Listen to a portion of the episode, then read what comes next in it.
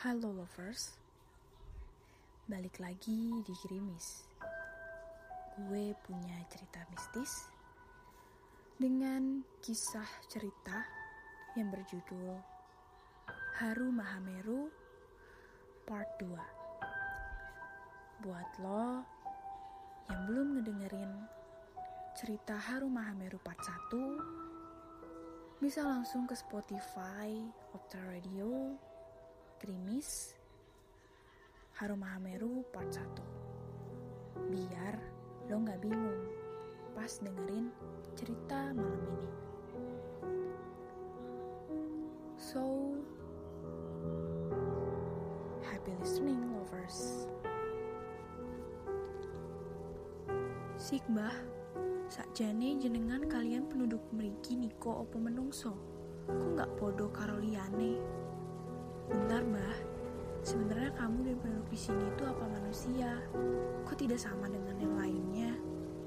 Tanya Hendro membuat Suno ingin mengumpat dan memukul mulut Hendro yang tidak sopan. Aku iki menungsu. Kodok karo awakmu kabele. Aku ini manusia, sama denganmu semua, Le. Jawab Mbah Buyut dengan tutur kata lemah lembut dan sangat teduh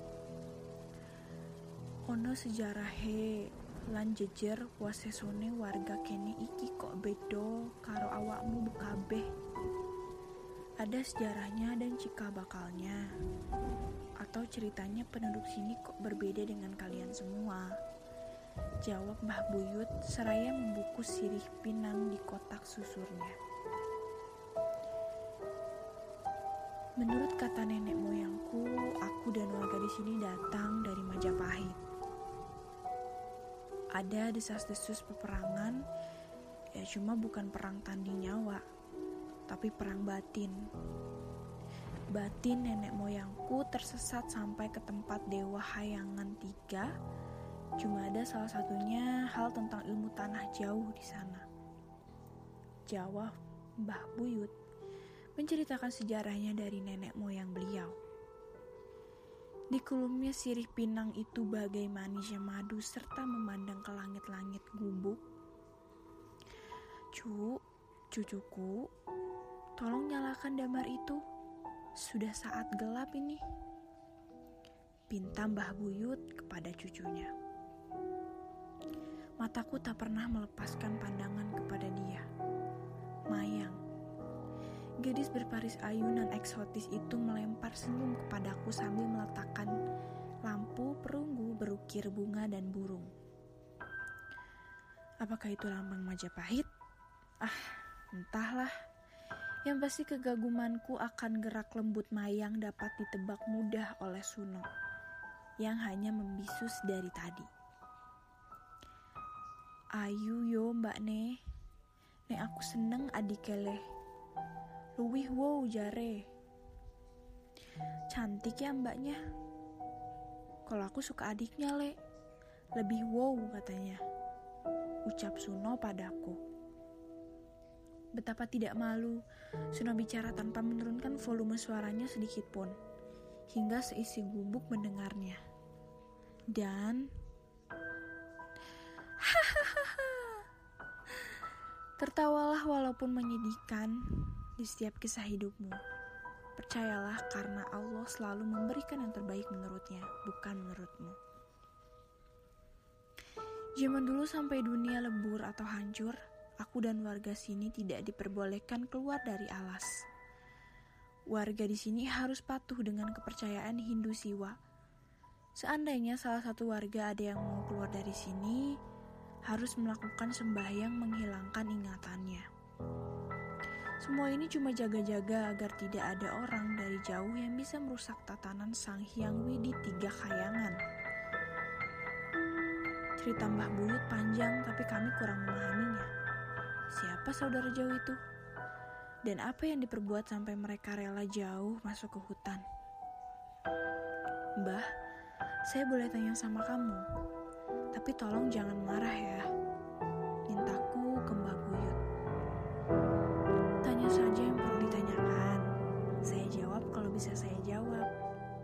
Kata Mbah Buyut.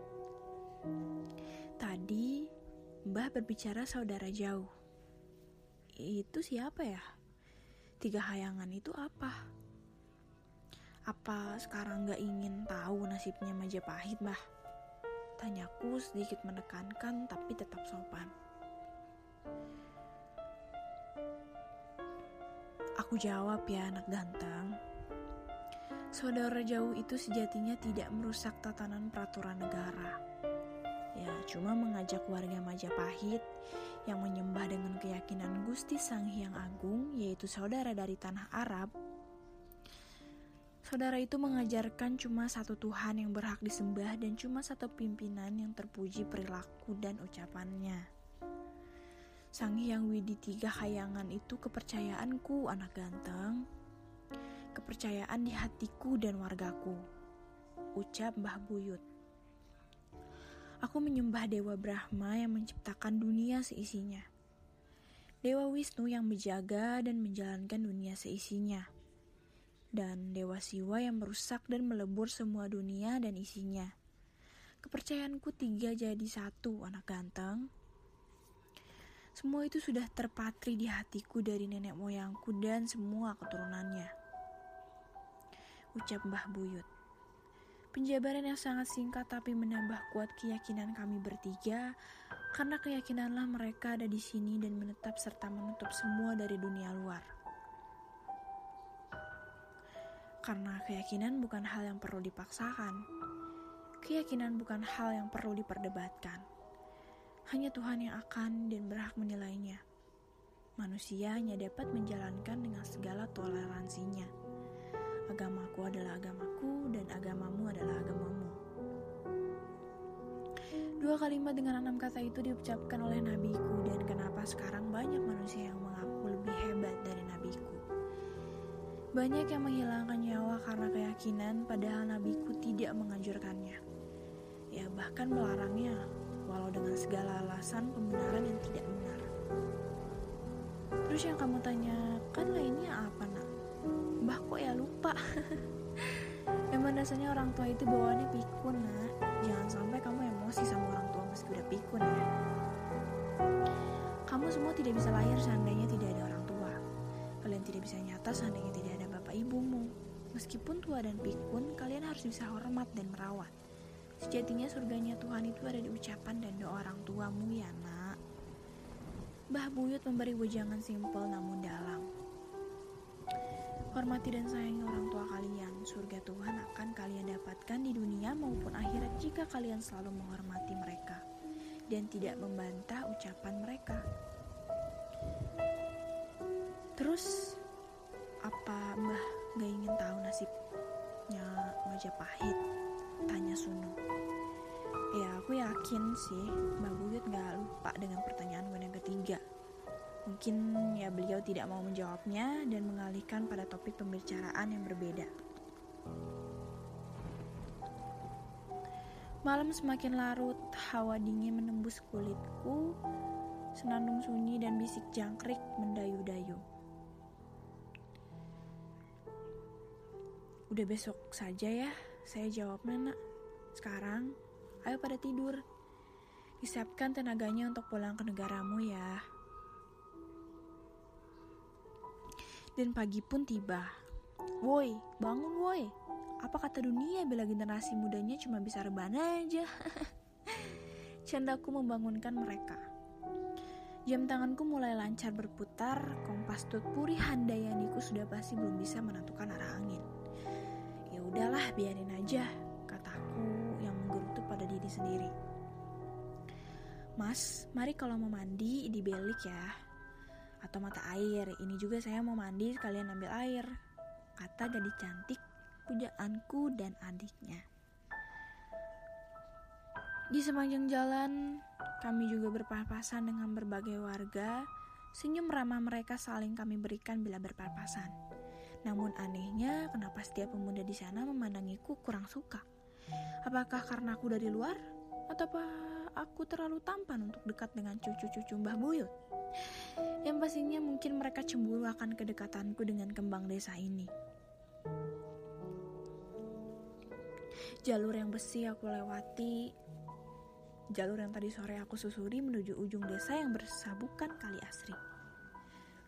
Dalam tata cara mandi atau bersuci di sungai itu ternyata sudah diatur dengan baiknya. Mendapatkan atau mengambil air minum atau masak dari belik ataupun sumber air. Mandi para lelaki di belik tengah atas, mandi wanita di belik tanah bawah. Buang air besar di belik akhir yang nantinya menganang ke sungai sampai ke bawah entah ke mana. Aku hampir malu. Ya bagaimana tidak, kami lelaki mandi tepat di atas belik wanita yang berjarak kurang lebih 20 meteran. Dan bukan cuma Mayang dan Sita saja yang cantik di sana. Ada puluhan gadis cantik mandi dan aku bisa lihat dari atas mereka. Apakah seperti ini kesalahan genda Jaka Tarub yang mencuri selendang bidadari hayangan? Walaupun masih waktu pagi, Aku benar-benar menikmati pemandangan di bawahku. Istimewa sekali ya kembang desa ini dan warga-warga yang ada di dalamnya. Kecantikannya pun membuat laki-laki terpukau bahagia. Dalam hati dan dalam diam, curi-curi pandangku, aku merasakan bahagia. Setelah mandi kami memenuhi kendi dan bejana dengan air untuk dibawa ke rumah gubuk Mbah Buyut. Aduh, ternyata berat cok, bejani iki. Tapi karena takut malu, aku diam aja dan sok kuat memanggul bejana air tersebut. Pripun mas, radi abot engkih, kulo mawon sing beto. Gimana mas? Agak berat ya? Yaudah saya aja yang bawa. Pinta Mayang seakan mengerti kelemahan akan otot-otot di tubuhku. Wah, gak usah. Aku ini lelaki, harus kuat manggul bejana kayak gini. Jangankan bejana, manggul kamu aja aku kuat mbak. Rayuku mencuri senyum darinya. Sesampai di gubuk aku lihat kedua temanku sudah menghisap sebat atau rokok merek tembakau bedes dan menyesap udang entah apa udang itu namanya. Kamu semua tidak mandi ya bro? Apa nggak mau merasakan air nirwana? Gak ah, dinginnya kayak es batu dicampur soda kayak gini. Gak jadi seger malah sakit badan gue. Jawab Hendro sembari menyesap wedang rempahannya. Mari, diminum wedang buatan Mbah, biar anget dan kuat meneruskan perjalanan kalian nanti. Itu sebenarnya apa? Kok dari tadi saya lihat bakar-bakar terus? Apa nggak panas? Loh, Mbah, nggak tahu? Atau nggak pernah ngerokok? Ini namanya rokok, racikannya dari tembakau. Boleh, itu kayak makanannya orang kulit putih atau bule ya nak. Mbah sama warga di sini nggak pernah merasakan. Apa tadi namanya? Udut, Mbah, udun. Sebat atau udut atau merokok belum dikenal pada zaman Majapahit. Pada zaman itu hanya sirih pinang yang dikonsumsi warganya sampai sekarang diteruskan oleh penduduk Semeru itu.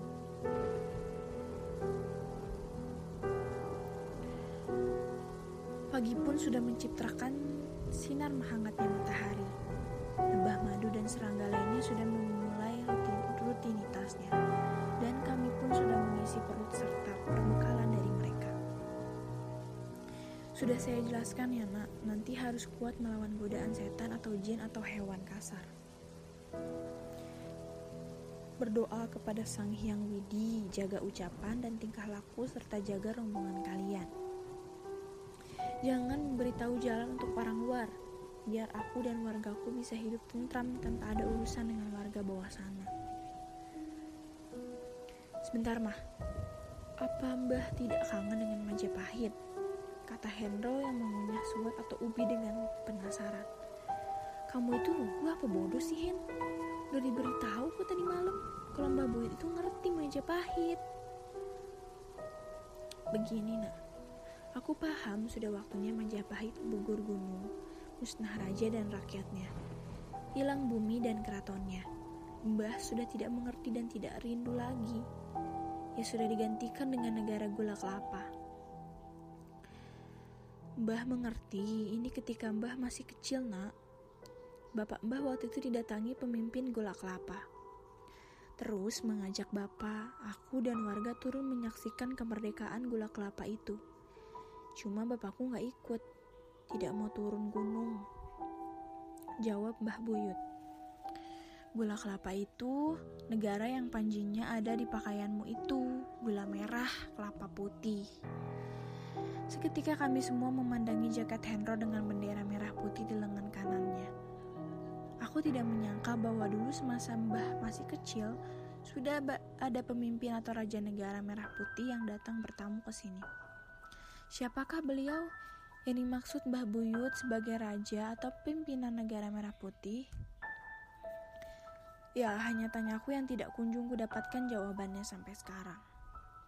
Apakah Bapak proklamator kita? Atau siapa beliau yang dapat bertamu dengan mudahnya ke perkampungan ini? Jelaslah beliau bukan orang sembarang yang dengan mudahnya bertamu waktu itu. Makanya nak, jangan sampai negaramu itu hancur gara-gara masalah sepele. Masalah berebut asumsi kebenaran. Masalah keyakinan, agama. Berbeda itu lebih baik nak, tapi harus rukun dan saling toleransi.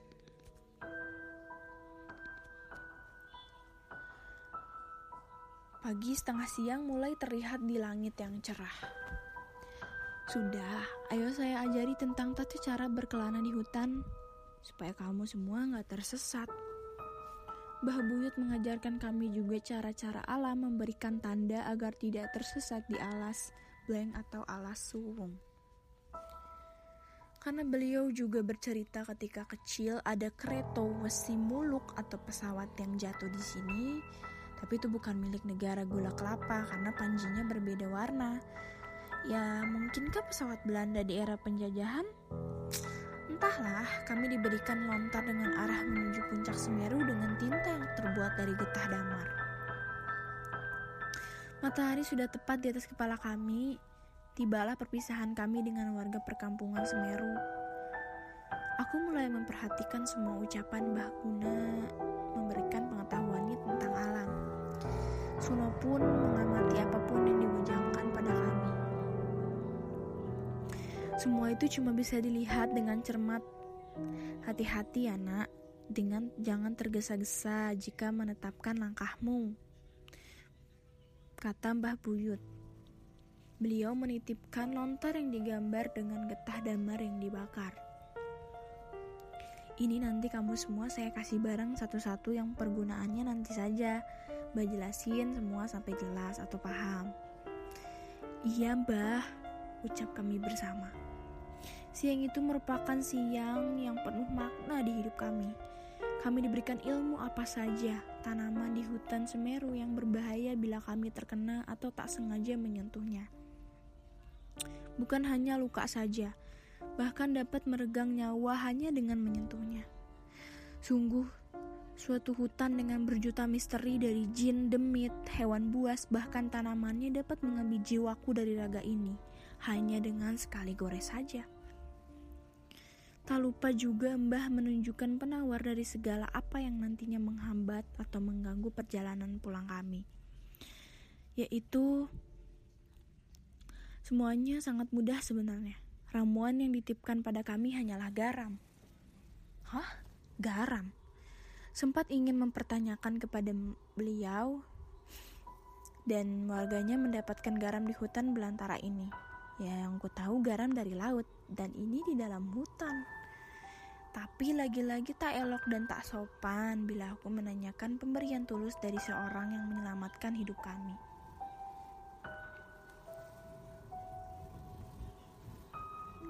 Nak Mayang, garam itu diberikan pada kakak-kakakmu ini. Ikat dengan daun waru biar gampang bawanya. Dan jangan lupa ubinya itu dibungkus daun jati buat bekal anak-anak ini.